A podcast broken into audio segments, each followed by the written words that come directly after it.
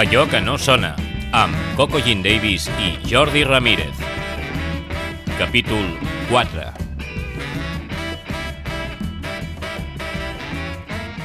Salutacions a tots i a totes. Us donem la benvinguda a Allò que no sona, un podcast dedicat a la indústria musical catalana i les persones que en formen part. El meu nom és Coco Jean Davis i al meu costat tinc, com sempre, el meu company Jordi Ramírez.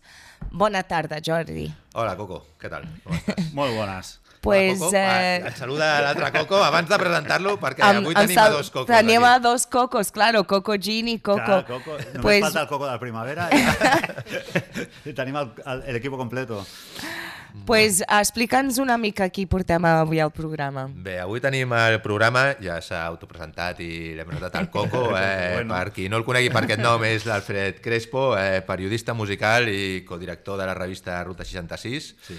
editor i director de l'editorial 66 Revolucions per Minut, eh, ex promotor de concerts Sí, i, i també director comercial de Pennywise, una de les empreses que a nivell nacional s'ocupa de proporcionar mm, personal en grans esdeveniments Ah. musicals. Després ens explicaràs. Eh, el primer, benvingut, moltes gràcies per venir. Gràcies a vosaltres per convidar-me. I, I ara, Alfred, eh, digues, eh, hem fet aquest repàs, tantes coses, me n'he deixat alguna? Eh... Relacionada Padre, amb la padre música. amoroso i buen esposo. No, jo amb això ja en tinc prou. Eh? De tant en tant m'invento alguna cosa estranya, però no, no, amb això ja, ja tinc el, el dia complet. No, no, no, deixem-ho aquí. Molt bé. Molt curiós. Actualment ets director del Ruta? Eh, sí, codirector. Co-director, segurament la revista, Music, eh, la revista Música en Actiu des de fa anys al país, no? Mm. Com arribes tu a la revista i quin és el, el secret de poder haver mantingut tants anys als quioscos? Doncs jo vaig arribar, jo vaig arribar al Ruta com a lector malaltís. Vull dir, jo soc bastant obsessiu i quan em vaig comprar el número 0, ara fa 399 números, Sí. eh, sí perquè ara fem el, el número 400 al febrer, Uau!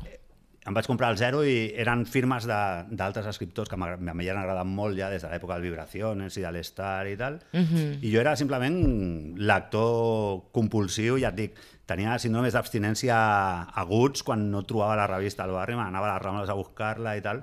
I amb els anys doncs, ens vam començar a conèixer amb els directors i, i fundadors de la revista i com hi havia una certa, no decadència, però sí que s'havia quedat establert molt com una revista a seques, mm -hmm. i, i és veritat, la competència en aquell moment, que era el Rock Deluxe, sabia muntar saraus i, i coses així, que a mi no m'interessaven res, però que estaven feien que es parlés d'ells més enllà de lo que era sí, una revista en paper al quiosc, mm -hmm. pues res, com sempre tinc idees brillants d'aquestes i super lucratives, pues vam decidir muntar un segell de singles en vinil. Oh, sí. ok. I... Veus com ens deixàvem alguna cosa? Eh? Alguna cosa t'has deixat, també. No, però està dins del ruta, està dins del ruta, perquè fora ja no, ja no, ja no m'he liat. I això vam començar, vaig començar a col·laborar més estretament, no només a escriure, sinó a, pues a això, després a muntar concerts, que és on va començar el rotllo de després seguir muntant bolos. Vam començar a muntar concerts pel Ruta perquè es veiés que hi havia alguna més que una simple revista. O sigui, a través de la revista mm. mateixa. Ells no, la vol no volien fer-ho, els directors ja tenien prou amb lo seu, però jo que arribava a con l'ímpetu del nou, allò, va, per què no muntem un concert al Màgic? Per què no muntem un concert al Sidecar? Portem un grup, portem... Ostres, tal. que guai. I, I em vaig anar ficant, ficant, i al cap dels anys la, la dupla creadora ja pues, portaven molts anys arrossegant el Ruta, ja hi havia un cert... tenien ja com problemes de funcionament d'adaptar-se una mica potser a, lo- a, lo que, a l'actualitat, no? a, que, a la vida real. No? Ells estaven molt acostumats a treballar, escriure, editar... Clar, com està com és behind the Sí, scenes, no? the I scenes, no sí. en l'escena... Això mateix. No, no tenien tant contacte amb la realitat. Vale. I, I, bueno, va haver un moment que hi havia una certa... Hi havia una postura una miqueta de deixem-ho aquí, ho pleguem, I com jo era molt fan molt, i no volia que arrenquessin, pues, Home, tant. pues em vaig liar amb, a- amb el Jorge, amb el soci, i aleshores vam muntar una societat els quatre, els dos fundadors i nosaltres dos. O sigui, era Jorge, tu... L'Ignasi Julià i el Jaime Gonzalo, que eren els dos que van fundar la revista. I aquests anys, quins són aquests anys? Quines Pues nosaltres portem 12 anys o alguna cosa així. Soc molt dolent per les dates, eh? No me'n recordo. Vale, gaire, però, eh? però sí. però els anys 90, finals dels 90... Va ser... No, era el... 2000? A mitjans del 2005 devia ser, una cosa així. Ah, ok. Vale. 2008, una cosa així.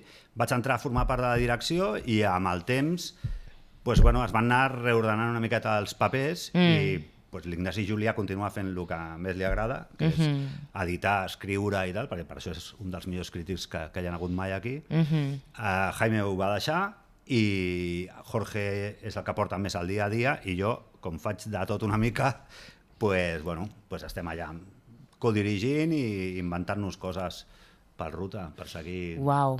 I el secret és que, que realment és, un, és una revista que va, que va generar una subespècie humana que era el rutero, que el rutero tothom...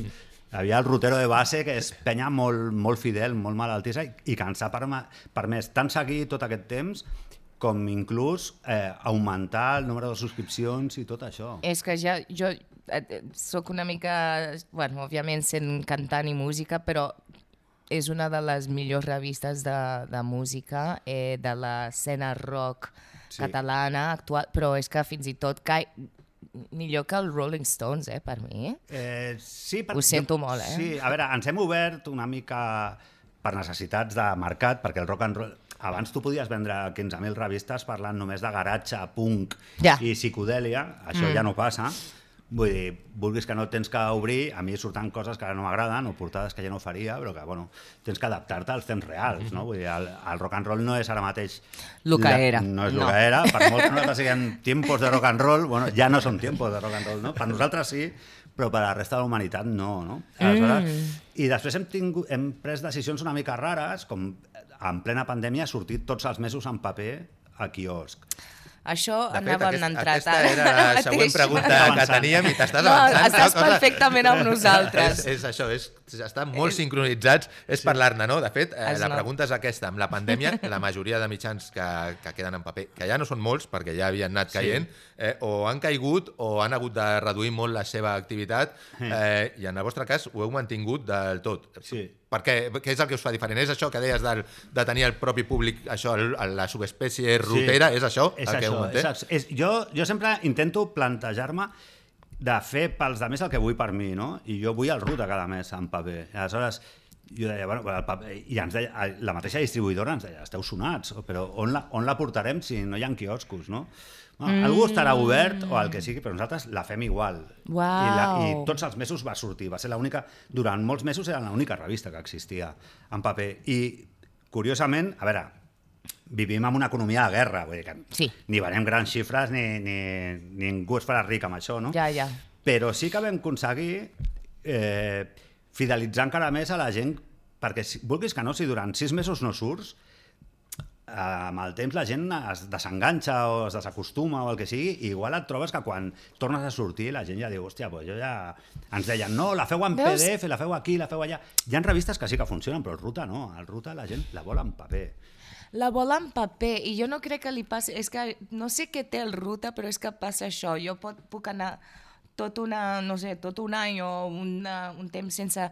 Però és que tinc ganes de tornar a llegir Sí. i sempre em porta com aquesta il·lusió, com és aquest aficionat dels còmics, no? D'aquesta sí. il·lusió de... Es que el Ruta siempre sabe lo guay, algo Clar, bueno és está que és de fans I és molt per fans. positiva la revista, de algo bueno está pasando. Sí, a més procurem, eh, també ens, és una de les crítiques que ens fan, no? que són massa buenistes, o... però és que realment tens les pàgines que tens, aleshores, per parlar de coses que estan malament o que no t'agraden, Ja. millor no fer-ho. Et diuen, hòstia, és que no, no hi ha ressenyes dolentes. Anem a veure, si surten 400 discos i t'hi caben 60, millor treure 60 que, que consideres que valen la pena que dedicar espai a carregar-te no sé què, pues, passant-ho, no? Ja. I, i, I després la, la plantilla que tenim de col·laboradors eh, no és gent molt polivalent, cada un sap del que sap. Mhm. Aleshores, si tens un article sobre psicodèlia, doncs ja tens 8 o 10 que saps que controlen d'allò. No és allò d'encàrrec de dir-te ara et toca psicodèlia, després soul i després música electrònica. No, Ah, cada ok. un sap de lo que sap. El que controla molt de rock australià, pues, si hi ha una entrevista amb un Radio Birman, pues la fa ell. I aleshores, eh, vulguis que no, en principi sempre hi ha textos millors o pitjors, o... però sí que en general la gent sap de lo que escriu. Després falta que ho escrigui bé, no? Però, però és Ja. gent que li agrada molt de lo que parla. Sí, sí, sí. No, no, no és un encàrrec com, a to com pot Vale. tocar un diari, no? que et diguin avui et toca Lluís Llach i demà passat et toca Metallica. No? Dir, mm. Jo quan no era director, si a mi mm, proposaven segons quines coses, com no m'agraden, doncs no les faig, prefereixo dir que no. I com tampoc viu ningú d'això, pràcticament, o sigui, tampoc t'afecta l'economia no fer un article, saps? O sigui, millor eh, quedar-te amb el que saps i fer-ho el millor possible. Bueno, això és una manera bastant old school de fer les coses, no? És que és tot molt old school. Vull dir, jo soc el sí? codirector i si aneu a Correus em trobareu amb una carretilla bordant les revistes de subscriptors. Vull dir que sempre hem viscut... I, i, no hem, I no hi ha hagut redacció fins que vam entrar Jorge i jo, mm. que vam muntar un- una oficineta. Eh, abans no hi havia ni oficina. No tenia oficina. La revista no tenia oficina. No, que va. Es feia des de casa. De fet, igual- Abans de que hi haguessin pandèmies... Ja, Ah, Ells ja s'havien aplicat el, el Ja, teletrabajo. mira. I, I es podien tirar tranquil·lament un any sense veure's. Cada un treballava a casa seva, s'enviaven les coses i el Consejo de Redacció virtual. Vam ser una, avançats. A Ah, l'època. absolutament. Eh, Hi havia una adreça de correus que arribaven els discos i anaven a buscar els paquets quan passaven per allà. Aleshores, Uau. és, és, sempre ha sigut molt old school. De fet, va ser un trauma passar el color. Que Que bueno! Ens van, amana, bueno. vam tenir amenaces sèries. Com així? Fills de puta, i ara on la poso? Hòstia, Ja! al costat de les altres. Però és en colors! No! I, bueno, ja, però és que portem 20 i pico anys en blanc i negre i les impremtes ja et deien, hòstia, en blanc i negre no imprimim. Claro. dir, eh, et surt, I els anunciants, o sigui, jo crec que, és, que surti la meva portada del disc que surti bé i, i, i, Clar. i tu mateix veies a mi m'encanten les rutes en blanc i negre, no? però realment hi havia fotos que no sabies si era Neil Young o era eh, el petit de Galeril, vull dir que no, no, no distingies res, no? Ja, Vull dir, ja, ja. Ha, ha guanyat en presència de la revista, però tots els de la vieja guàrdia Sí. encara tenim el rotllo aquest de que el ruta en blanc i negre... Que fort! Jo mai he vist... Tu, bueno, tu que he suposo que vist te'n recordes Ja d'aquest te'n temps, no, Jordi? I- i- Oh, és que tinc que tenir-lo a la mà. I... De fet, sempre s'havia parlat de ruta com un fanzine Bueno, amb sí. molta tirada, però era com Exacte. si fos un fanzine, perquè de- és que aquesta maquetació, clar, comparat quan els altres ja començaven a donar CDs i era tot com molante, i nosaltres mm. seguíem allà amb blanc i negre puro i duro, vull dir, la portada i contraportada en colors i res més. I, i, i sí, i, i tenim això, lectors molt fidels. No hi ha molta renovació, tot s'ha de dir, es van fent grans amb la revista, Ja, Van- bueno, van- eh, això sol passar amb les coses clàssiques. clar, clar. no? Sí, I van es entrant mantenen xavals. clàssiques, es van mantenint, però és que... Bueno, eh, això és que, el que fa que una cosa no, no, no, no es mori. Eh, a part de la revista... Perdona, Jordi, em vols no, no, preguntar endavant, alguna endavant, És endavant. que estic super fascinada. Jo sóc super fan del Tens un Ruta. friqui davant al total, eh?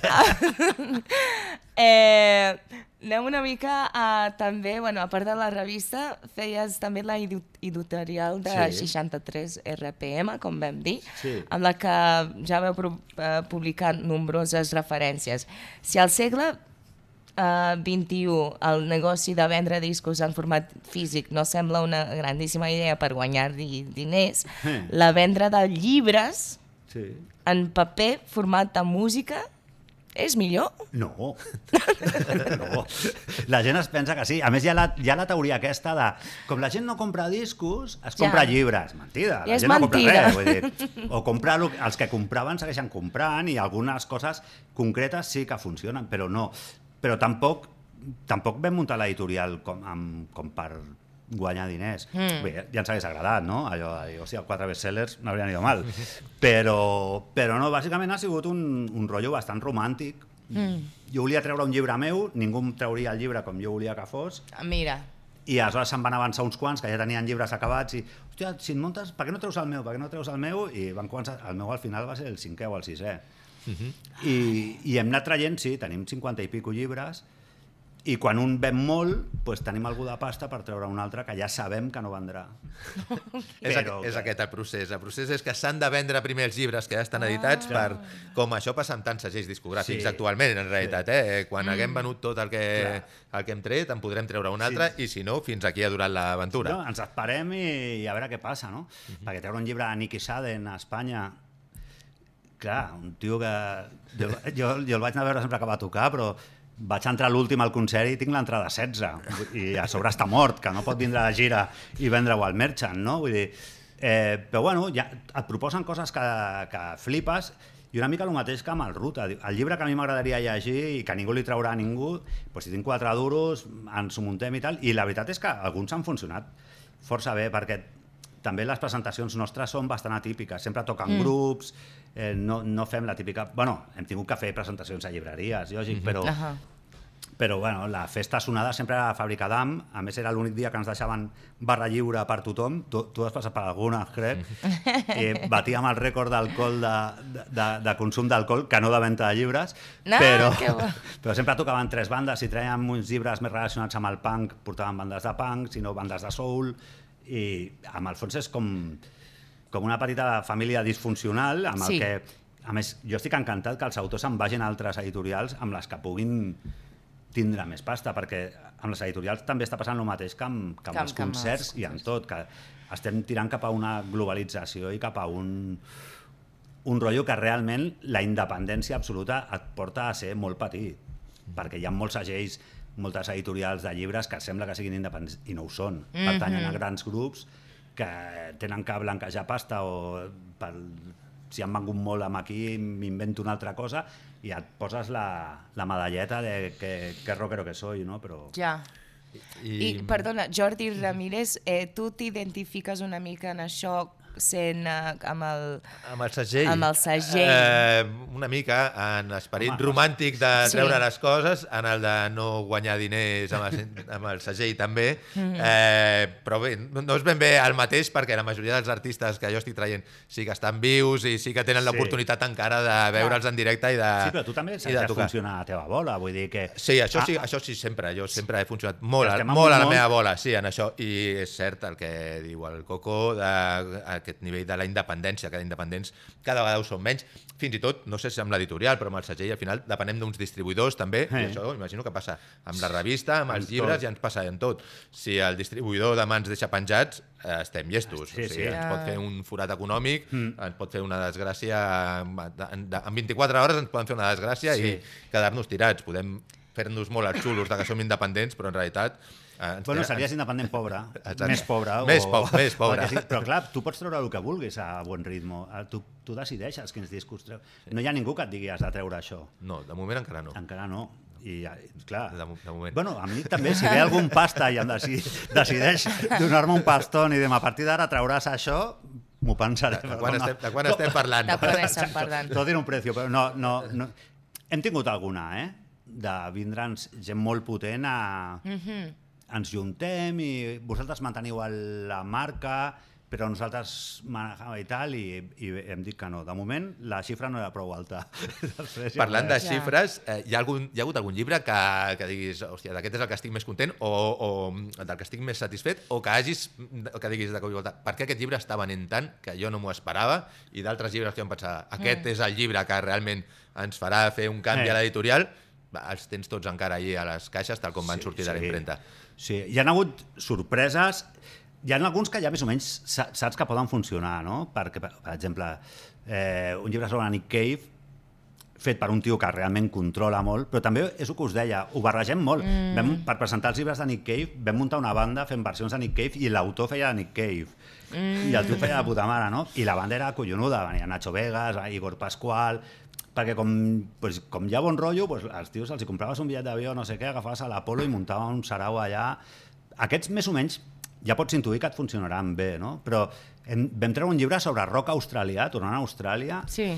un totxo només de rock australià, no? Amb, mm. amb portada de Radio Birman i, i aquest, tothom ens deia, esteu sonats, això no ven, els discos no es distribueixen a Espanya, i aquest ha funcionat superbé, no? Mira. I, I després, uh, jo què sé, pues el de Quique González que va fer l'Edu Izquierdo va funcionar de conya sent un tio viu i que relativament tenia poca carrera encara al seu moment. Fa, fa 10 o 11 anys fer, fer una biografia d'algú que no que comença, però que, bueno, que, que no és una vieja glòria que diguis té molt per explicar, no?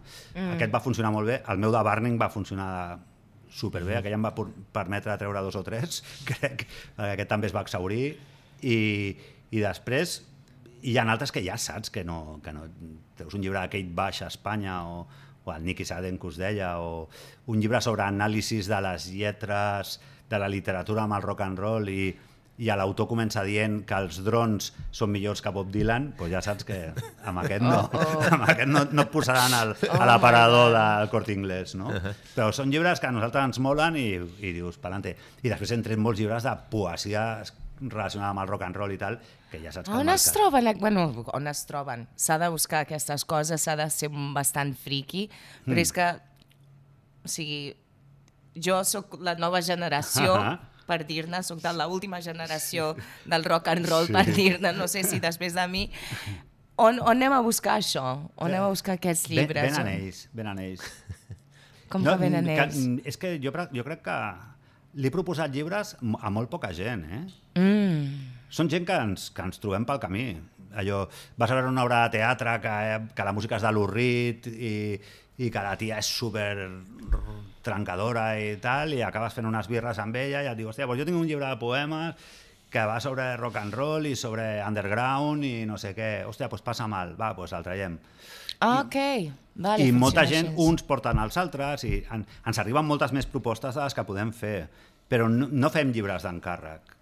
Vale, ok. Només en vaig un, que va ser el de l'Oriol Llopis, que li vaig guanyar una aposta. Mira. tio anava més borratxo que jo i va perdre. I aleshores va tindre que escriure la seva autobiografia per una aposta. A l'Apolo és lo que tiene.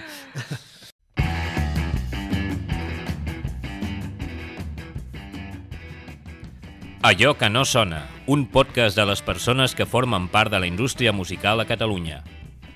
I ja ens, ja ens n'has parlat, eh, dintre dels llibres que heu publicat, n'hi ha de teus, hi ha el de sí. Barning, eh, i també a mi particularment em va fer, em, em va fer em va portar molts records, perquè jo també he organitzat molts concerts en el meu moment, el llibre No hi entrades, sí. en el que parles de la teva experiència com a promotor i que ens, i que ens porta a la següent part de tota uh -huh. aquesta conversa. Eh, però abans d'això, és a dir, que, amb tot el que ens has explicat fins ara, el temps dona el treus per fer tot això, perquè clar, estàs amb la revista, estàs sí. amb la teva actual feina i tot, com, com ho fas? Per anar escrivint llibres mentre es gestiona tot això. I corregint els llibres perquè els corregim a casa. Bueno, pues, enganyant a la meva dona, només li he enganyat amb això, lo juro, eh, i la pobra dona la porta 10 anys sense cobrar, macatant. I, i bueno, a veure, si, si busques el temps el trobes. Vull dir, el meu curro són moltes hores, però tens els caps de setmana. Eh, si no tens molta ressaca i tal, pues, i també com portem el ritme que volem portar nosaltres, va haver una època que ens vam posar molt a saco i et cremava molt, perquè mm. és això, no trobes temps i al final una cosa que té que ser divertida s'acaba convertint en una obligació, no? no? I clar. vam dir, hòstia, no, Vull dir, això ho fem per passar-ho bé, no es pot convertir en un, en un problema, no? Mm, mm, Però bueno, a mi, a mi és que a mi m'agrada escriure i, i no m'importa si, jo, si hi ha algú que m'envia un llibre que sé que m'agradarà perquè l'autor em mola i el tema també, pues, posar-la un parell d'horetes cada nit, et poses uns discos i una copeta de vi i anar fent. I quan el tens, el tens. Mai ens marquem una data.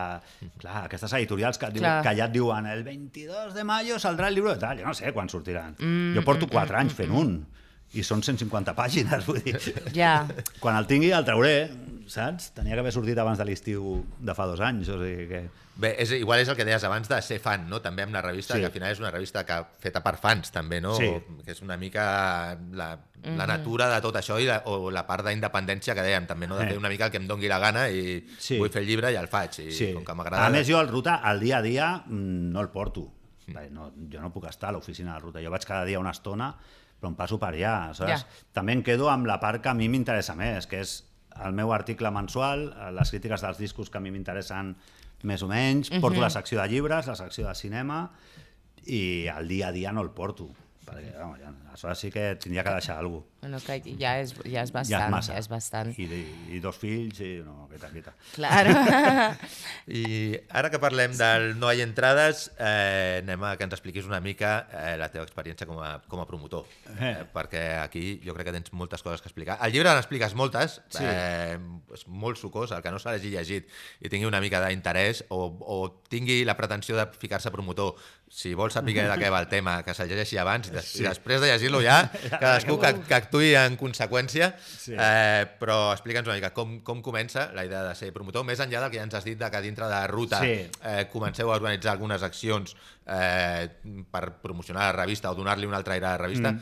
com arriba el moment de dir anem a, anem a ser promotors i, i ja amb un altre interès. L'interès Ah. és, a part de portar grups que us agraden, perquè m'imagino que si Sí. no no ho fas, és sí que intentar també guanyar diners o, o no, o com funciona. No, mm, per part meva no tant. A veure, va començar amb el Ruta, però eren bolos molt petits, amb els que no podies ni guanyar ni perdre molt. Mm. Vull dir, perdies alguna de pasta perquè apareixia el Roger Estrada i et deia que hi havia un grup de Boston que havia gravat un single boníssim que es deien Baseball Furies i després estava Roger Estrada i nosaltres i quatre més perquè no venia ningú, però, però bueno, eren catxers molt petits, les sales te les deixaven en aquella època un dijous et deixaven al Màgic o el que fos, i després ja una mica més en sèrio va ser per, per, per un tio, pel Javi Ezquerro, que era, que era un crac, i, i resumint, se li va aparèixer la verge, se li va aparèixer una senyora que et portava la compta de- d'una marca de begudes que es tenia que gastar un pressupost abans de final d'any. Ah, ah, això em sona algo. Això et sona. Fes el que vulguis, però gasta't la pasta perquè necessito presentar factures abans del 31 de desembre, no? I, i ens va vindre i, i me'n recordo, és que com si fos ara, va vindre el Javi a, a casa meva uh -huh. i em va dir, tio, tenemos que hablar. Diu, que hay esta tía, que tal, que ens donen 12 o 15.000 euros per muntar tres bolos. I, bueno, ja, ja el truco on està, no? I què se'ls ha de donar a canvi? Res! I amb la taquilla... I amb la taquilla què fem? No, no, us la quedeu vosaltres. Dic, però perdona, aquí llavors acaba, acabarem al talego, aquí, aquí hi ha alguna raro. I no, realment els hi donava igual als grups que portessis, si, ne, si anava gent o no. De fet, dels tres concerts que vam programar, van omplir Barcelona, les autopistes, amb cartells d'aquests grans, allò tal, Sí, sí, presenta, i no sé què, i el tercer concert que es va suspendre per malaltia del músic, vam dir, bueno, busquem una altra banda, i ens va dir, no, perquè els cartells ja estan fets i ens dona igual, si no toca ningú, no? Però bueno, allà va caure una pasta, Uau! una pasta xula, que ens vam difuminar, ens la vam fondre en portar grups que ens agradaven a nosaltres i a no molta més gent, però també vam, bueno, vam tindre molt rotllo amb, pues, amb, amb gent que coneixeu vosaltres, amb, Her amb Hero of Gold, que van, es deien Love to Art i tal, ens van començar a tenir en compte perquè com els hi compraven bolos, pues, ja començaven a dir, hòstia, com a Barcelona ningú se la volia jugar, perquè és una ciutat dura, pues, hòstia, per què no ens feu la producció local? I aquí ja no et jugaves la pasta, feies el bolo però no, no i tal. I pel mig et deien, hòstia, aquest te l'has de quedar sí o sí. I bueno, feies quatre números i si et quedava alguna a la caixa, pues ho fèiem. I, I va estar bé, va estar divertit, però jo ho vaig deixar personalment quan, quan vaig entrar al Ruta. Perquè aleshores sí que ja eren quatre coses i ahir ja no estava... I aleshores el, el, dos, els altres dos van seguir fent bolos de puta mare i tal, uh -huh. però jo aquí ja em vaig retirar. No? I el llibre una mica és, Mm. és explicar des d'un sentit de l'humor, no?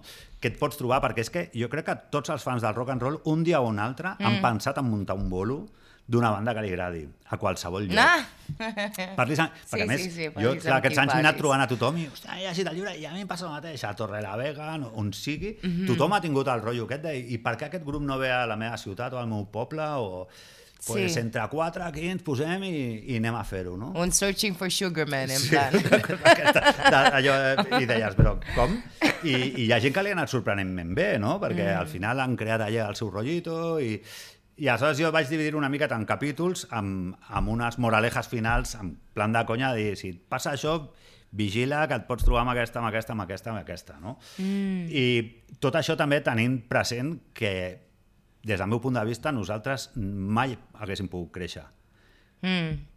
i menys tal com està la cosa ara, mm. que si tens uns artistes teus molt fidelitzats, tu pots fer la teva mm -hmm. i dir, bueno, jo els moc per aquí, per allà, tinc els meus contactes, festivals i tal, però posar-te a fer de promotor avui en dia eh, no, mai passaràs d'un nivell molt baix. Uh -huh. Perquè a la que trobis un grup, el descobreixis i el comencis a fer rodar, Sí. vindrà un gran i se te l'emportarà segur. I aquí no hi ha fidelitat, eh? D'això Aquí no hi ha això En el rock and parlàvem- roll no hi ha fidelitat. Amb, això parlàvem l'altre dia. Amb qui ho parlàvem, això? Amb uh, una de les convidades, que és això, que, bueno, jo crec que ho mencionaves l'Ene- tu. amb l'Eneida, poder, Amb l'Eneida o... Possiblement, no perquè ho ja sé. s'haurà trobat molt amb No sé, aquests... pot ser. O, o, no, era amb la, amb la Glòria. La Glòria. Amb la Glòria Ahà. Estalví, que és això, que tu formes una, una banda no? des, del, des de zero i al moment que ja comencen a... ja te'l mengen. Sí, sí, tu, Oi? jo me'n recordo bandes mi, tamany petit eren Sí. teus. Quan començaven a ser mitjans, ja t'arribava i et deia el, el, a la gent, pri, primer parla amb... I quan parles amb i aquest amb parla amb l'altre, ja tot va pujant. Vull dir, és que allà ja hi ha tres intermediaris que tots pillen la seva part. Amb el que un grup que et costava, per posar un número, 1.000, Sí. es convertia en 3.000. Arriba un punt que no pots competir mai amb això. Però això perd, eh, el rock and roll perd una mica del seu encant en general, no? A, a, aquesta part més romàntica de dir jo vull tenir el tracte directe amb l'artista. Els propis artistes al final són els que ho cremen, perquè això et dura mentre estàs de pujada, però després Sí. quan estàs de baixada i, i, gai, Aleshores gai, et i gaire, gairebé tot el que puja baixa, Sí. després Sí. et venen a, a, et venen a Sí. buscar i llavors és quan aquest romanticisme ja l'has perdut, Ja evidentment, perdut. perquè ja t'han enganyat i Sí, ja està, no, no no, me eh? tornaràs a fotre una Clar, altra vegada. Quants grups han deixat a, al seu mànager o la seva discogràfica tota la Sí. vida perquè li han proposat no sé què i quan els hi ha anat malament tornen enrere. I llavors, ah, eh, que tu i jo érem molt amics. Sí, sí, érem molt amics. Érem. Bueno, Sí. pues, sigue, sigue, no? Vull dir, bon rotllo, jo em compraré el teu disc, o et aniré a veure en directe, compraré la meva entrada, però és, és que arriba, arriba un punt que és més econòmic comprar Mm. l'entrada de molts grups que muntar-los tu perquè dius, ja, tio, t'has anat aquí, jo no em puc ficar amb segons quins embolaos. I, I el pròleg, que era una conversa amb Gai Mercader, que possiblement és la persona que més sap del negoci a aquest país, i ell m'ho deia, em deia, eh, no, no hi ha cap opció a un promotor petit, sempre que es vulgui mantindre a la seva parcel·la, pot anar fent. Ja. Per la que intenti créixer, eh, es recinta, i aquí encara no ha arribat tant, però a, a Estats Units o a aquests llocs, fes una campanya contra Ticketmaster, que, com li va passar pel Jam, o fes... Si és que els recintes mateixos són dels promotors. Ja... Vull dir que quan, eh, mai et donaran una data bona, mai et donaran unes condicions bones, els grups eh, et demanaran el doble. Aleshores, jo crec que ara mateix eh, el rock and roll s'ha prostituït totalment, però segueix havent l'essència, que és gent que li mola, grups que els agrada i, i gent que, que segueix sabent que hi ha un substrat, hi ha un mini mundo amb el que les regles segueixen sent les antigues. A la que surts d'allà ja es converteix en una altra cosa. És el, és el gran negoci, i el gran negoci només el fan els grans empresaris. Vull saber, hi ha una bona manera de fer això? O sigui, cada artista, hi ha bandes que òbviament arriben a un punt que és en plan now it's my moment, ara és el meu moment per créixer i és inevitable que es trobi en aquestes situacions. Hi ha alguna manera entre vosaltres, els promotors, un, un, um, un enteniment de com fer-ho bé perquè no. no hi hagin aquests o és en plan, el músico por ser... És la llei de la selva. Aquí no Sí. hi ha... Aquí, Vale. eh, de fet, i ara parlo des del meu modest punt de vista, que mai he sigut un gran promotor ni ho seré, eh, si ells es posessin d'acord, possiblement les coses serien més fàcils i serien més econòmiques. Perquè és que al final aquí ningú respecta ningú. Vull dir, hi ha molts pocs artistes que segueixin fidels a un promotor. Si ve un altre promotor i els hi dona més pasta, Ja, ja, ja. l'artista se'n va. Aleshores, ens trobem en situacions com que ens ho diuen, eh, hi ha altres països que els grups, si els hi donen un bolo a Itàlia, primer truquen a Espanya, perquè saben que hi hauran tres pujant per ells, i el preu es pu puja. Puja, Els grups guanyen molt, molt més tocant aquí que tocant a França, segur. Sí. Curiós, això. Clar, si, si surts a la subhasta, al final mm, els preus... Pot ser que ningú pugui i ningú li interessi, però si la cosa té una mica de possibilitats d'anar bé, eh, els promotors eh, en teoria tenen les seves associacions i tenen... però és molt fàcil, és que només has d'agafar que veus un que estava amb el promotor A, ara està amb el B, d'aquí res està amb el C, després desapareix d'aquí i apareix a cap de cartell d'un festival, després... Vull dir, avui en dia tot està al mercat i, i, i el que té més pasta guanya. No, no, curiosa la paraula que, que has utilitzat, subhasta. Subhasta, és que va subhasta. És que va subhasta tot això, clar. O sigui, És molta pasta, és que es mou molta pasta. I aleshores hi ha qui té molts diners per, inclús per perdre. Els pot perdre perquè no li afectarà massa. I, es, i per quedar-se a algú pots perdre diners pensant que a la següent gira guanyaràs. Això ja, no sé, són coses Sí. que ells controlen, no? Però, però realment si tu ets un promotor mitjà i et fiques en un festival mínimament gran, si perds pasta, perds molta pasta. Perds I molta no, I pasta. no la pots assumir. En canvi, I si mai ets t'ha un... Clar. i mai t'ha passat de tenir un promotor que està en high level i tu seient mig o de, mm. i és el teu amic o és el teu, i és en plan escoltar Jordi o escoltar carai, Jo no? m'ho prenc amb deportivitat. Deportivitat, en plan, vale, hoy te ha tocado a ti, pero la próxima será la Sí, mía, no, però, a por veure, amb el fons també, si, és que jo què sé, si, si el músic o el grup o el que sigui, Sí. els hi tens après, i, és el que, una mica el mateix que dèiem als autors. Jo, jo ho entenc, jo entenc el, que el músic... Tu ets, tu ets una cantant, Sí. jo ho entenc perfectament. Eh, si et ve algú i et dona el doble i et diu, et fa un pla de, un desenvolupament de màrqueting i te voy a poner en tots lados i tal, eh, és molt difícil dir que no. Home, jo crec que hi ha manera de considerar never forget your roots, mai oblidis No, la, la però- primera do... Sí. I jo crec que hi ha alguna manera de dir, vale, però si jo subo, subo con los míos también. Sí, això està molt bé i a vegades passa.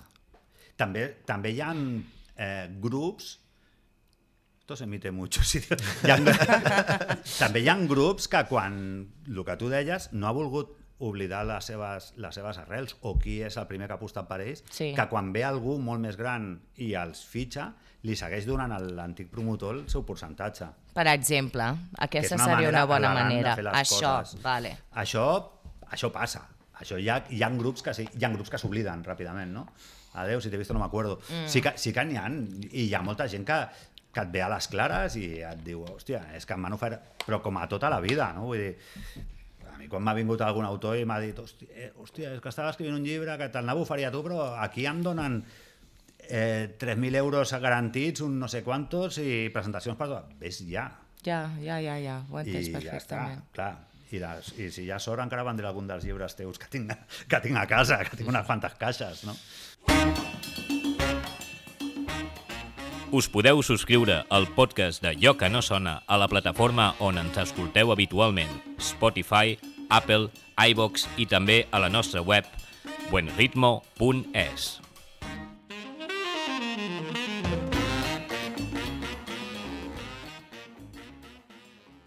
Una cosa que ens deies abans, Ida, que també parles al llibre, és de la diferència que hi ha entre els concerts a Madrid i a Barcelona. Mm. Eh, com que aquest podcast el fem en català i Sí. sobretot ens escoltaran aquí, ara és el moment de rajar sobre nosaltres mateixos. Per què és, per què és tan millor ciutat pel rock Madrid que Barcelona? I és només Barcelona o és a tot Catalunya, que som uns sossos, un avorrits i no tenim És- aquesta escena? És tot Catalunya. O sigui, mm. bueno, tu que muntes Lleida, per exemple, eh, hola Lleida, allà no va ningú. Vull dir, festa de patxanga i tal, i alguna, algun certamen, si el aconsegueixes vestir dins d'un festival o un cicle o un algo així, val, però coses sueltes eh, costa molt aquí. O sigui, Madrid sempre és com a mínim el doble. Sempre. I, I per què? La gent surt més a Madrid. Ja no és per la penjada aquesta de la, de la Ayuso i aquestes mandangues. Ha sigut sempre. I, I després, Madrid és més rockera. Les coses com siguin. Aquí jo crec que va fer molt mal eh, el moderneo. Primer el piesnegrismo aquest del bon rollito i tota aquesta xusma, que, que era allò que clinc, clanc, clinc, clanc i tal, i tu, no sé si t'has trobat, però tu anaves a vendre una banda de rock and roll a, a, a, un, a una marca o a un ajuntament o el que sigui, era que, hòstia, una banda de rock and roll, no? Ja. Ara, tu anaves allà amb tres martenyos, allà amb vuit caixes de ritme, no sé què, i que, i que molt anti i que moderno que soy, i te l'agafaven, i, i igual allò no tenia cap gràcia, no? Però er- aquí sempre han sigut els més llestos i els més modernos. I, i, i en canvi a Madrid, tu, avui, a dia d'avui encara et passeges per Malassanya, que ja no és el que era, Sí, o te'n vas a Escridiscos, o te'n vas a on sigui, la gent encara va amb samarretes de grups pel carrer, eh, i, i la gent surt més, els agrada més divertir-se. També Madrid és molt més gran, també influeix. Sí. I hi ha molta gent de la perifèria a Madrid que ja es plantegen els divendres o el dissabte anar-se'n a Madrid de festa, agafar-se una pensió o el que sigui, anar-se'n a veure grups yanquis allà, no? Però aquí eh, el que és el rock ha baixat moltíssim. Queden petits reductes que es mouen bé i ara Sí, sí, hi ha xavals joves, els que porten l'Upload, per exemple, Sí. o així, que estan fent una programació de psicodèlia, garatge, no sé què, i, però bueno, estem parlant de llocs de 200 persones. No... Vull dir, ara... I, I després ja fora del rock igual. Vull dir, és que a Madrid ara Dani Martín ha fet un Sant Jordi i té 5 Withings. És que 5 Withings són 80.000 tíquets. I els ven. I l'Eiva farà 3. I aquí fa un Sant Jordi Club. Eh, la, la gent surt més, compra més. L'altre dia vaig anar a veure el desastre aquest de Tequila i, yeah. último concierto i no sé què, i, i era el Withing gran. Vale, van fotre amb, amb talons i el que vulguis, però aquí va ser un razmataz. Ja.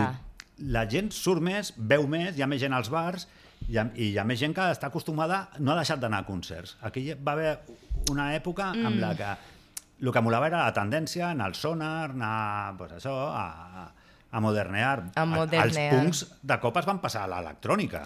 Vale, això és un bon, bon, bona obs- observació. Clar, eh, no, que les drogues estan allí, les drogues estan en tots lados, no m'enganyes. O sigui, Ja. ja, que ja t'has cansat del punk i ara i, i te'ls trobaves allà al MUC, tots, eh, ding, ding, ding, amb la samarreta de Minor Street, no? I deia, no entiendo nada. Eh, a Madrid la gent és com més d'allò, els rockers són rockers, els mods són, són mods, aquí ja no hi ha mods, no hi ha rockers, aquí queda, queden uns quants de cada. I, i, i, i, mo- i molt és això, aquestes tribus musicals Eh. són cada cop més, no?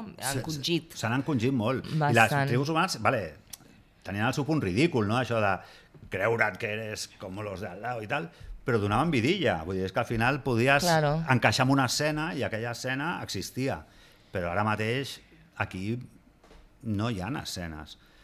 Està molt I si hi hagués alguna escena, com dius, bueno, a part de l'electrònica, quina seria l'escena més potent d'estil de música? Sigui el blues, el jazz, el pop, Ah. el...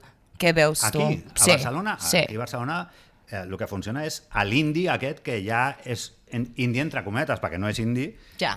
i que no és tan jove, perquè estan, els xavals estan veient, bueno, els xavals, o no xavals, m'agradaria saber la mitja d'edat ja del Primavera Sound, ja tampoc és tan, tan, tan jove. Ja, ja, I, ja. I són grups que tenen 20 anys de carrera, o 25, no? Però aquest ecosistema sí que funciona aquí. Això sí que funciona. Per, a Madrid, fins que va arribar el Mad Cool, no hi havia ni un festival. Perquè la, gent, Mm. li- la gent va a clubs, anava a sales a veure concerts. Sí. Aquí, quan van aparèixer els grans festivals, doncs hi havia molta gent que deia aniré un cap de setmana i toquen 200 grups i ja he fet els deures per, per sis Per mesos. tot l'any. I ja no, ana- ja no han deixat d'anar a concerts a llocs normals. Per això s'han perdut una pila de sales aquí a Barcelona, a part. O sigui, a l'època, hi va haver un moment que hi havia un, el KGB, vull dir, que no sabies on anar un dia.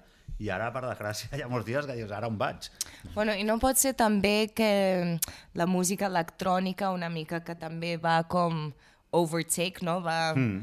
El que eren sala de concerts on es feien concerts de, Clar. de bandes, que era ara DJ aquí, les la, Apollo, les Sí.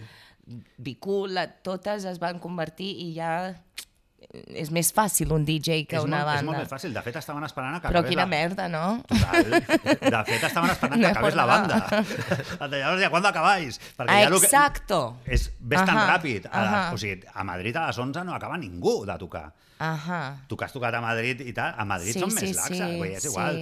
Eh, la gent va veure el grup i pimpla, i es Sí. gasta la pasta a la barra. Sí. Aquí van bojos perquè acabi el concert per escombrar-te ràpid i començar a fotre DJs. Sí, sí, sí, sí, sí. I, i arribes a, a, a, a llocs que està tocant el grup que hi ha 40 i a fora hi ha 200 esperant a que acabi. No? Però I, tinc, tinc la sensació que això a Madrid s'està- els estem encomanant i que cada vegada passa més també Els a està- Madrid. Eh? els hi- sí, els hi està això arribant, eh? és una cosa dolenta que hem traspassat mm. d'aquí a allí, però cada vegada a Madrid també tenen aquesta tendència Sí. a fotre't fora el més aviat possible Ah, i sí? amb l'escombra ja a punt perquè entrin els de perquè, darrere. Eh? perquè també hi ha, és que inclús hi ha hagut eh, clubs i sessions de Barna que se'n van a Madrid a fer el doblete i tal, i al final tot s'encomana, menys l'hermosura, tot se pega. Vull dir que, Ja eh, clar, al final veuen que un DJ és molt més rentable possiblement. El que passa és que jo no sé si la gent veu tant a, a partir de quines hores amb electrònica. Perquè a més amb les piules aquestes tampoc Claro. no veus tant, no? No ho sé, no ho tinc. No, jo tampoc, perquè jo no Jo provat tampoco però lo ningú- que em yo. dius, no? Que era millor tindre allà 200 rockers bevent cervesa que tindre gent bevent aigua, però no sé, els hi deuen sortir els números. I... Coco. Tinc, tinc una Oh. pregunta, tinc una pregunta, ja que, és que tenir-te aquí és com en plan, cuéntamelo todo, no? Eh, per què Barcelona és una ciutat tan difícil? O sigui, és en plan...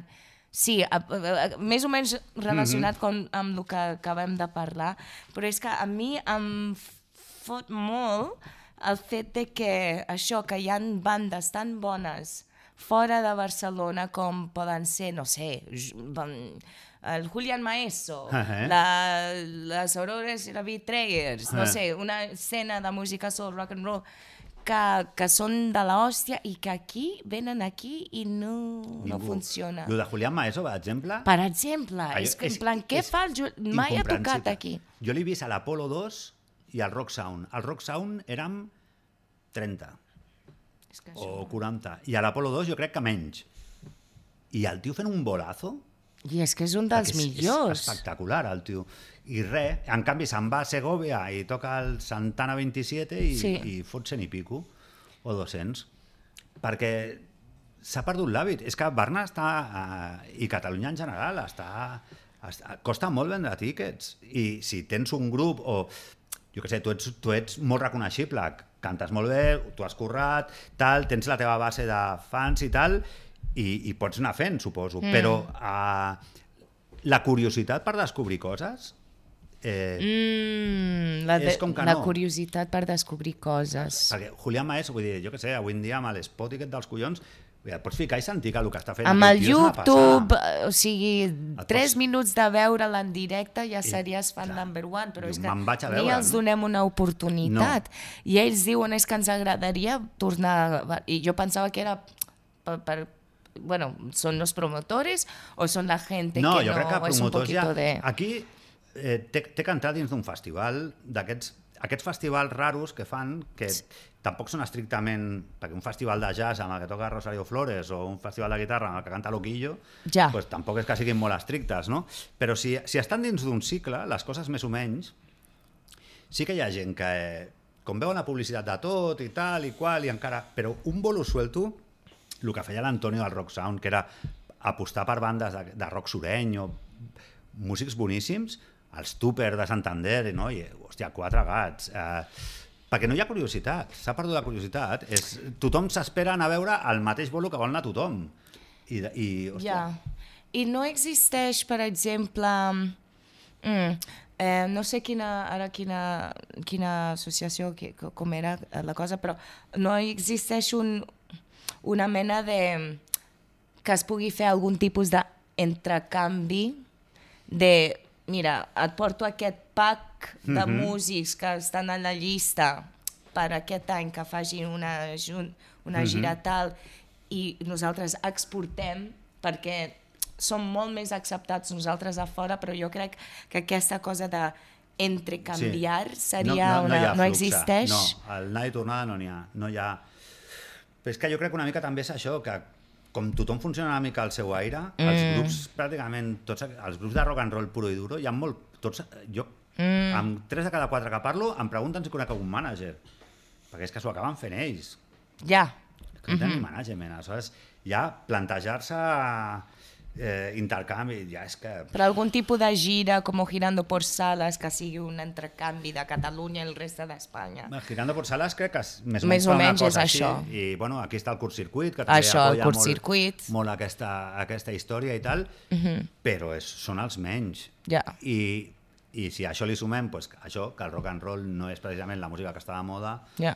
Pues, per engatussar, al final ara pasta la tenen les institucions, ajuntaments i coses d'aquestes, i no s'ho gasten amb això.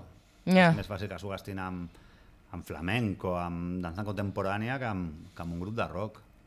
Ojalà canvi, però ara mateix no sembla que vagi a ser No té pinta, no? Parlant, canviant ara una mica de tema i passant a les teves dedicacions actuals, aquestes que sí que em sembla que ja són les de guanyar-se la, la vida, diguéssim. Eh, des de fa molts anys ets també director de Pennywise, eh, pels, crec que la majoria de professionals del sector eh, que suposo que si algú ens escolta deuen ser alguns professionals del sector, eh, coneixen ja l'empresa eh, perquè en algun moment tothom, més o menys, aquí més que menys hem necessitat dels vostres serveis en algun moment. Si ens dediquem a això, eh, acabes passant per Pennywise i parlant amb tu en un moment Sí. o altre. Igual ha qui no et coneix, però, però ha parlat amb tu. Eh, fent una mica de llista, heu treballat per festis, com Primavera Sound o Sonar, Sí. que ja els has esmentat, les festes de Mercè o els grans concerts de promotores com Live Nations, Sí. Palau Sant Jordis o Estadis Olímpics, Sí. etc. Eh, pels que no ho saben i, o pels que no ho coneixen tan gran, què, què fa Pennywise, a què es dedica i, i en què consisteix la teva feina, a més a més, a dintre de Pennywise? pues, a Pennywise, pues una mica com a tot arreu. Vaig arribar mig de rebot, allò, em vaig quedar tirat i van tindre la gentilesa de dir-me vine aquí a currar, vaig descarregar molts trailers, ara ja no tinc ni edat ni esquena, però... I, i bueno, com coneixia bastanta gent del mundillo i tal, hòstia, vaig acabar fent una mica el rotllo comercial, però jo segueixo estant a l'oficina i supervisant una mica, intentant que tot funcioni, no? Perquè, perquè tot promotor necessita, quan té que muntar un bolo, a part del grup, la sala i tal, mm, si és una cosa molt petita, li toca al grup carregar i descarregar, però si ja la cosa és una mica més gran, ja no pots estar per això. Aleshores, eh, pues el, meu, el meu cap eh, va ser promotor al seu moment, va ser promotor suïcida també, portaven tots els grups de garatge i tot això, i el tio es trobava sempre que quan muntava una gira, el problema que tenia és que no trobava gent bona o com a mínim gent que estigués allà per treballar, per ajudar a muntar, que sapigués que mm. si li deies passa'm el jack o puja l'ampli al Marshall a la dreta, que sapiguessin de què anava, no? Mm. I aleshores eh, va començar amb poca gent i ha acabat sent una empresa amb... abans de la pandèmia érem, vam arribar a fer 4.000 bolos a l'any, vull dir, Uau. amb molta, molta penya currant. I intentem, dins del possible, dignificar el sector, perquè mm. un tio de càrrega i descàrrega, que a més, molts dels músics de Barna han estat allà currant, que després ens fan la conya, no? A veure qui m'envies a muntar el meu equip, eh? Vull el fulano i el mengano, perquè aquests sí que, que no em toquin la bateria, vull dir que eh, músics, dissenyadors, disjockeys, tots han passat per aquí. Quan no hi havia bolos, hòstia, tinc tres mesos que no tinc res, em vinc aquí a muntar... A, a... I el que intentem és dignificar-ho, que, que, que, que un noi i una noia que va a descarregar un camió i a fotre els amplis anys i tal, mereix el seu respecte i, i els hi fem cursos de riscos laborals, vam començar a fer el que no feia ningú, que era assegurar tothom de veritat, mm. que les nòmines siguin reals, no es paga bé perquè és un mundillo que es paga dins del que marca el, el conveni, l'Estatut dels Treballadors i tal. Okay. No és allò que diguis puc donar una pasta perquè tampoc te la paguen a tu, uh -huh. però sí que vam intentar, i jo crec que això sí que ho ha aconseguit el, el mm. meu jefe i a mi és que ara, quan vas a treballar a algun lloc, els, el, els nois, les noies, els tracten molt millor que fa 20 i pico anys que vaig entrar jo, no? Uau. Que era aquello de la... Eh, venen aquí amb el porro, la cervesa i amb aquests, després... No, ara curren, ja tot, però curren, tenen la seva aigua, hi busquen un vestuari on es puguin canviar, els nanos també saben que si es fan mal hi ha una mútua darrere que els hi cobreix tot, si estàs a baixa te la paguen, dignificar sí, el negoci des això. de baix, no només que un tècnic de so que és la hòstia, cobra molta pasta i quan arribi estic tot ben muntat, sinó que perquè ell faci el so algú té que muntar la taula primer. Absolutament, Tu t'has absolutament. trobat, suposo, a, a llocs que diu, arribes allà i dius, hòstia, qui ha muntat aquest escenari que està mig tort, no? Ja. Dir, no fotem. Uh, sí, Hem sí. intentat professionalitzar i cada categoria laboral té els seus cursos de formació i totes les seves històries i, i el que treballa se'l fa fixa, cosa que aquí no, no havia passat mai, que, un, que algú de carga i descarga tingués un contracte indefinit. Uau. Això era, anda ja, truco i no, i ja està. Perquè parlem només de gent de càrrega i descarga o hi ha altra gent Oh, més sí. especialitzada No, no, d'altres càrrecs? De, de, quin, quines més, quins, quins, tenim- quins més llocs sí. es, po es No, poden nosaltres tenim tot- sol·licitar, diguéssim? Sí, nosaltres tenim totes les categories laborals que puguin fer falta un bolo. Nosaltres, si hi ha un concert a l'estadi olímpic, de Live Nation o el que sigui, ens demanen pues, la gent de càrrega i descarga, però ens demanen els climbers, que són els que fan cadena per pujar els ferros de l'escenari, els scaffolders, els canoners que tenen que il·luminar el concert si no n'hi ha suficients amb els guiris, eh, tenim els runners, amb les furgos que van amunt i avall, tenim la gent de catering, eh, tot el que pugui fer falta un bolo, a un Sant Jordi, a, a un Razmataz igual et demanen una persona de catering perquè normalment és més fàcil que et portin algú fet, no? Però si ve Liam Gallagher con sus neuras i vol muntar una cuina, pues van dos persones a ajudar-lo al seu cuiner pues, a, a cuinar tal, i pues, això amb el seu curs de manipulació d'aliments eh, En que, sèrio? mm, Wow. que no és això de "Ti- tinc dos col·legues No, que- ja, que- ja, que ja. eh?" Sí, sí, sí, sí. que, que jo quan vaig començar Era anava així. així, eh? Això és, aquesta era la següent pregunta. Wow. Com, com han canviat les coses en els darrers 20 anys? És a dir, que el, el canvi deu ser d'un planeta a un altre, m'imagino, Mira, no? perquè facis una idea, el primer bolo que vaig fer jo, abans, molt abans de Pennywise, estava veient a Status Quo i, i em ve, clar, ens coneixíem tots, perquè tampoc, tampoc és tan gran Barcelona, vull dir, tots els punkis i els rockeros que curraven amb això, i em ve un i em diu eh, com vas de pasta? I dic, malament, com sempre. I diu, i què fas després del bolo? Dic, no ho sé. Diu, és que ens ha fallat un. Diu, tu pots quedar desmuntat? I dic, sí. Diu, et paguen amb negre, amb un sobre, i, i tira milles. I dic, tio, jo anava en camperes. I dic, hòstia, si vaig en camperes, quin peu et portes tu a 43? Et deixo les Martins. Toma! Amb les Ole, Martins, ole! I em vaig menjar ja do, dos trailers tirant de caixa i funcionava així. I quan acabaves, doncs, a la cua, tots com a allò, esperant, venia un tio, toma, lo tuyo, Els tuyo, lo tuyo, sobres. lo tuyo, el Això, sobre, de- eh? sobres i les sobres. cues de reparto també han passat ja per aquest podcast. Això, No? i hi ha qui segueix funcionant així, eh? Sí, també? Ha qui segueix funcionant així. En el sector en, en general, és a dir, hi ha, hi ha més empreses com la vostra o, Sí. o no existeixen? Sí, ja, o... no n'hi no ha moltes perquè és, és, és el que ningú vol fer, tractar amb gent. És molt complicat. O sigui, és més fàcil comprar-te 50 taules com aquesta i jugar-les que tindre que aguantar 50 persones amb els seus Ahà. circumstàncies, no? Allò que m'ha deixat la nòvia i no em presento, vull dir, ho tens que tenir molt ben muntat, no? I que la gent eh, apareix, desapareix, és, tens que tenir un sis- sistema de gestió molt, molt currat perquè et funcioni bé. I a més, eh, ara que dèiem tot això del canvi, el que ha canviat molt en, eh, en aquest sector, jo diria, en els darrers anys, és que s'ha professionalitzat molt. Mm. Això és una cosa que també hem anat parlant en els darrers programes i sobretot hi ha molta gent que estudia ara per, per, Sí. per treballar en aquest sector, que això és una cosa que abans no... O sigui, ara hi ha graus, eh, hi ha màsters, eh, Sí, hi ha de sí. tot, eh, però també jo en una entrevista de les que m'he llegit amb tu eh, Mm. anteriors, per, per, abans de parlar avui, llegia que deies que una mica que el sistema d'aprenentatge de veritat és el de prova-error i Sí, a sí. base de pals, que pots haver estudiat i que serveix i segur que saben més del que sabíem I tots tant. nosaltres quan vam començar, Eh. però que la, el, la, l'escola real És la calle. són, són les hòsties. No, jo, de fet, cada any vaig a parlar amb les escoles de so de Barcelona i de Ah, llums ok. i tal.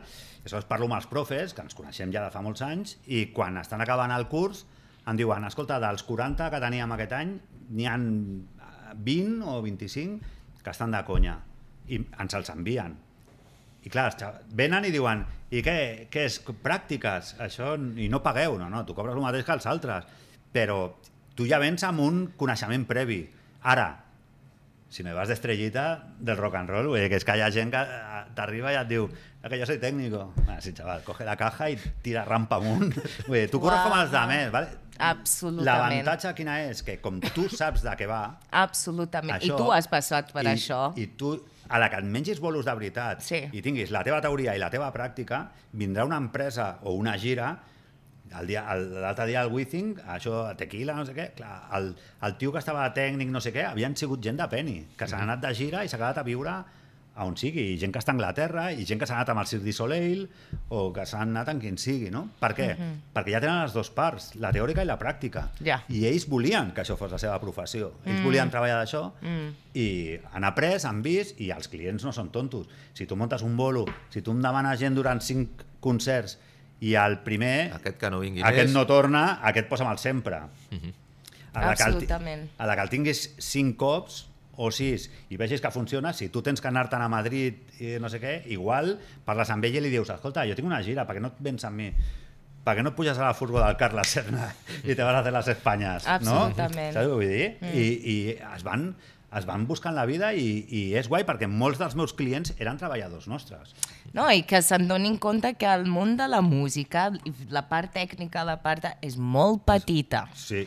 és molt petita. Clar, sembla que i... tothom serveix i no és veritat. I no és tothom serveix i no, no hi ha molt d'espai per errors. No. Jo crec que la professionalitat en tots els nivells és molt important Clar. perquè nos, conne Ah, clar, nos ja- comunicamos, eh? Clar, i, i, entre, Sí. I entre els grups parleu, i, Sí. i els promotors parlen. I aleshores, Sí. a mi em sembla de conya quan et diuen, hòstia, fulano i mengano se'ls queda a tal festival que, que els fitxa i es queden allà. Guai. Hòstia, doncs de conya, Mm, mm, mm. perquè, perquè és, per, això, per això ha estudiat aquesta persona, no? per treballar d'això. I vosaltres esteu no només a Barcelona, sinó que esteu a tota Espanya. O sigui, Sí. la vostra empresa està a tota Espanya. Com, com coordines gent de tota Espanya en tot això? Perquè Mm. m'estàs parlant de, de festivals com Primavera, que ja deu ser molt complicat, com- o el que em deies de tractar amb la gent, de tractar amb 50 persones, fer això a tota Espanya, Sí. eh, el pollastre ha de ser eh, Sí, considerable. És, és considerable, però menys, perquè realment Pennywise només està a Catalunya. O sigui, el que hi ha és un grup, Pennywise, i són... Cada, cada comunitat autònoma tenen una empresa amb uns socis i uns accionistes. L'únic que fem és juntar-nos tots per utilitzar el mateix sistema de treball.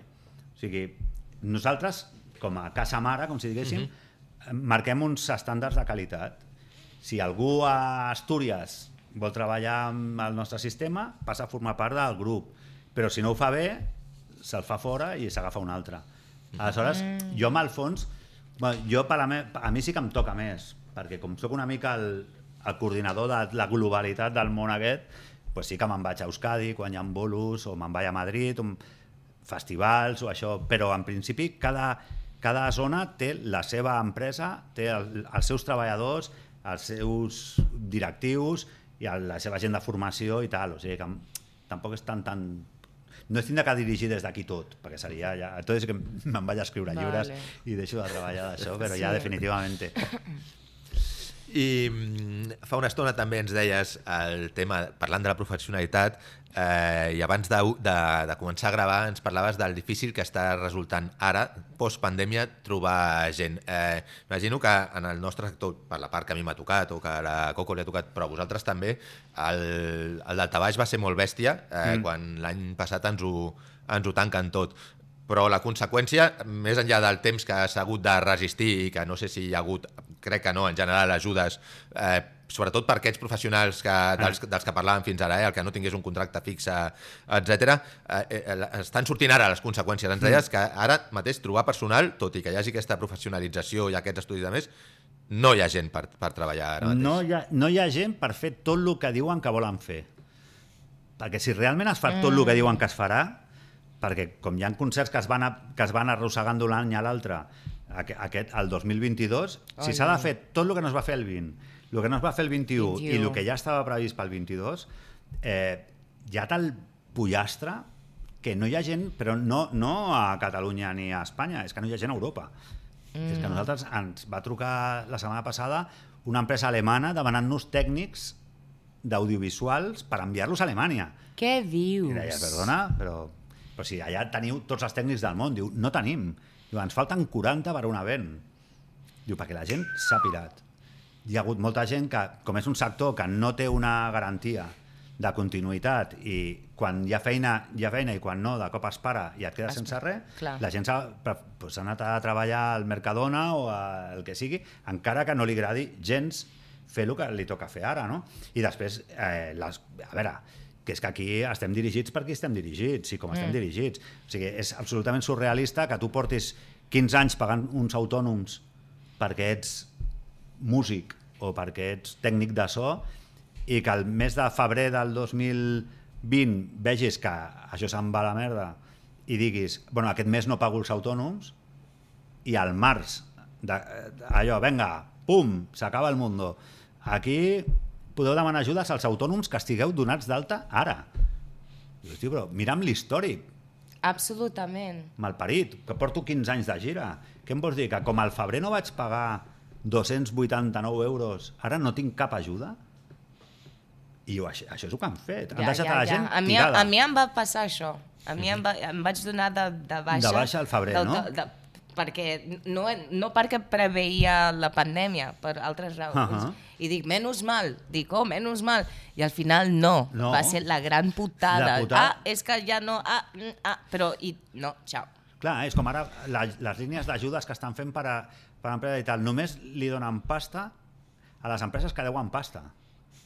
O sigui, si tu has fet l'esforç Sí, de sí. pagar-ho tot, Si tu, que ets un beneit, allò, Ja. un bon tio, dius, no vull deixar penjat a cap dels meus proveïdors, jo demano pasta on sigui, em menjo els meus estalvis, jo vaig pagant tot, et diuen, bueno, tu quanta pasta deus? No, jo no dec res, però he perdut tot això. Jo he, he perdut durant un any, jo què sé, 100.000 euros. Mhm. M'ajudareu, no? No. Ara, si tu ets un capullo que no ha pagat a ningú i que ja et pagaré quan pugui, et donen 100.000 euros. Ja, Uau. I, I així funcionen les coses, aquest Sant País.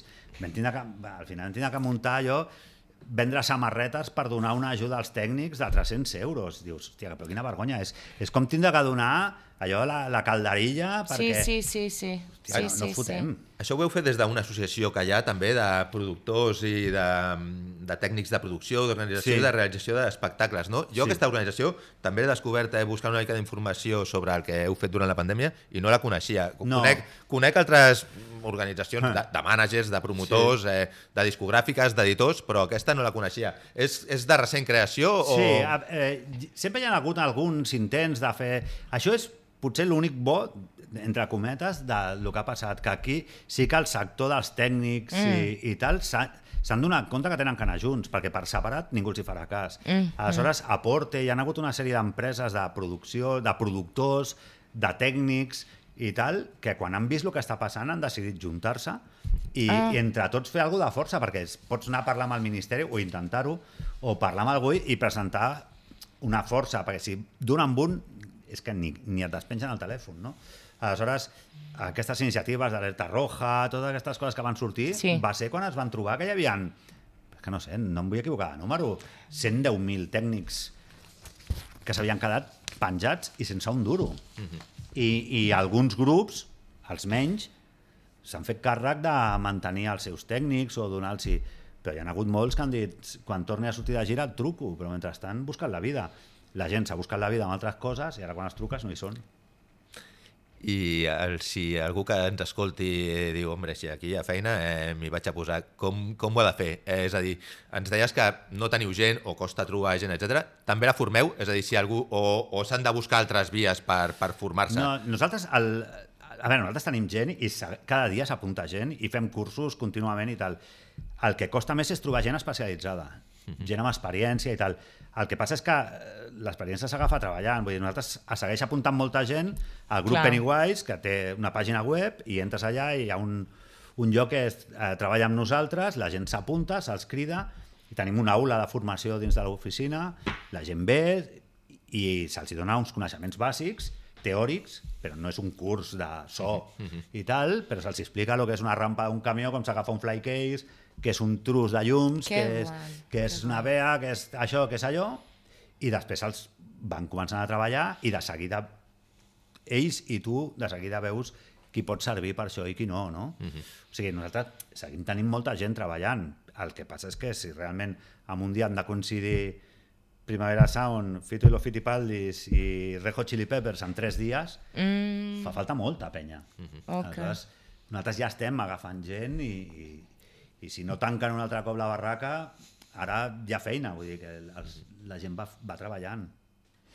és bo saber-ho. Uh, bo saber-ho. Jo em podria estar aquí tota la tarda, podríem estar aquí tota la tarda. Eh, de, de fet, quan vulguis, torna al programa. I si no, al bar, sisplau. fem una cervesa, I si no, al bar fem una cervesa també, però sempre benvingut aquí. Eh, Jo te'n jo te'n faig una mentre ella sorrumia i és sobre el tema llibres. Has dit que n'estaves escrivint un altre. Sí. Eh, eh, és sobre algun artista o és... Perquè ara que estaves explicant tot el tema aquest d'interioritats, dels muntatges, etc. de més, suposo que aquí hi ha una beta bona també per fer un llibre de l'estil del No hay entrades. Hi El, tens, brut- el tens al cap, aquest, o no? Això és com el futbol, les coses del vestuari se queden en el vestuari. Ni quan, no reti ni, quan reti ni quan et retiris, Quan com, em vas retiri- de, com vas fer de promotor. Quan retiri molt lluny, a viure molt lluny. No, eh, hi ha moltes coses, hem vist de tot tant a nivell de personal com de... Hi ha anècdotes mil de bolos que es poden explicar, però no. Jo crec que no, perquè tu estàs treballant, estàs el que està, veus coses que dius, mare meva, però això no. Això, eh, secreto de sumario. El llibre estic escrivint sobre, sobre una banda que m'agrada, que es diu Pájaro, una banda sevillana, brutal, i, i el faig per això, perquè m'agrada el grup i, I, i vaig fent. I quan l'acabi, doncs, ala, pa'lante. Vale, tinc dues preguntes. Vinga, va, que siguin Perdó, fàcils. Ràpid, ràpid, ràpid. Eh, si algú... Vale, tu vas dir, si algú vol escriure... Per exemple, si jo volgués escriure un llibre sobre la meva experiència Sí. dins la música, Sí. jo crec que series la persona perfecta. Sí, Eh, segurament pagaré menys que altres, però sí, tu passaries millor. Bueno, perquè saps bastant sobre... Bueno, eh, series la per persona amb qui parlar o hi han d'altres persones com, no sé, un músic vol escriure sobre la seva música com a editor, tot sí. això. Eh... Sí, em truquen em diuen, escolta, mira el que tinc, tinc allà una llista de coses que quan hi hagi algú de pasta vull anar traient, però sí, ho portem la Mai, que és la meva dona, i jo. Aleshores, Ok. eh, les maquetacions es fan al menjador de casa, les negociacions a la bodega del Tano, eh, i sí, ens ve gent a veure, hòstia, mira, que tinc una idea, que tinc això, que tinc allò, i ho decidim entre tots, i el dia a dia el porta més la Mai que jo, perquè, perquè és la que té que estar doncs, bus buscar les fotos, fa la maquetació, fa tota la història amb ells. Vale. Uh, per la gent que ens està escoltant, que està coneix coneixent-te, una pàgina web o un link per seguir el teu treball o on es Sí. pot apuntar aquests programes Sí. de formació i tot això. Això és, és una web que es diu Grupo Pennywise, Pennywise com el grup, però tot junt, Grupo Pennywise. eh, .com. Punt I allà com. a la pàgina web ja surt el lloc on es poden apuntar. De fet, Perfecte. per aquí veig cartells d'uns quants Pennywise. Ai, sí, mira. Grupo Pennywise, perfecte. I, I si volen comprar llibres, eh, 66-rpm.com. que Ens queden uns 66, quants. I vale. tinc que fer lloc perquè quan tingui el meu nou no, ja no hi cabem a casa. Vull dir que... Perfecte. I per què la gent hauria de seguir llegint el Ruta, agafant el Ruta? perquè és la vida. no, Vale. perquè, perquè, perquè sí, perquè, perquè què sé, és baratet, home, i és una cosa que la pots portar a tot arreu i, Claro. i, i perquè tenim la I veritat. té moltes, es- moltes històries que contar de coses molt interessants i amb això ara sí que et dono les gràcies. Gràcies a vosaltres, una cosa molt bé i nada, a més som veïns, o sigui que conya. Sí, que viatjar És poc per venir aquí. Que va creuar al carrer. Molt bé. Doncs, Coco, moltes gràcies per venir A i a tots vosaltres per escoltar-nos. Eh, recordeu que us podeu subscriure al nostre podcast en les diferents plataformes i res, eh, d'aquí una setmana.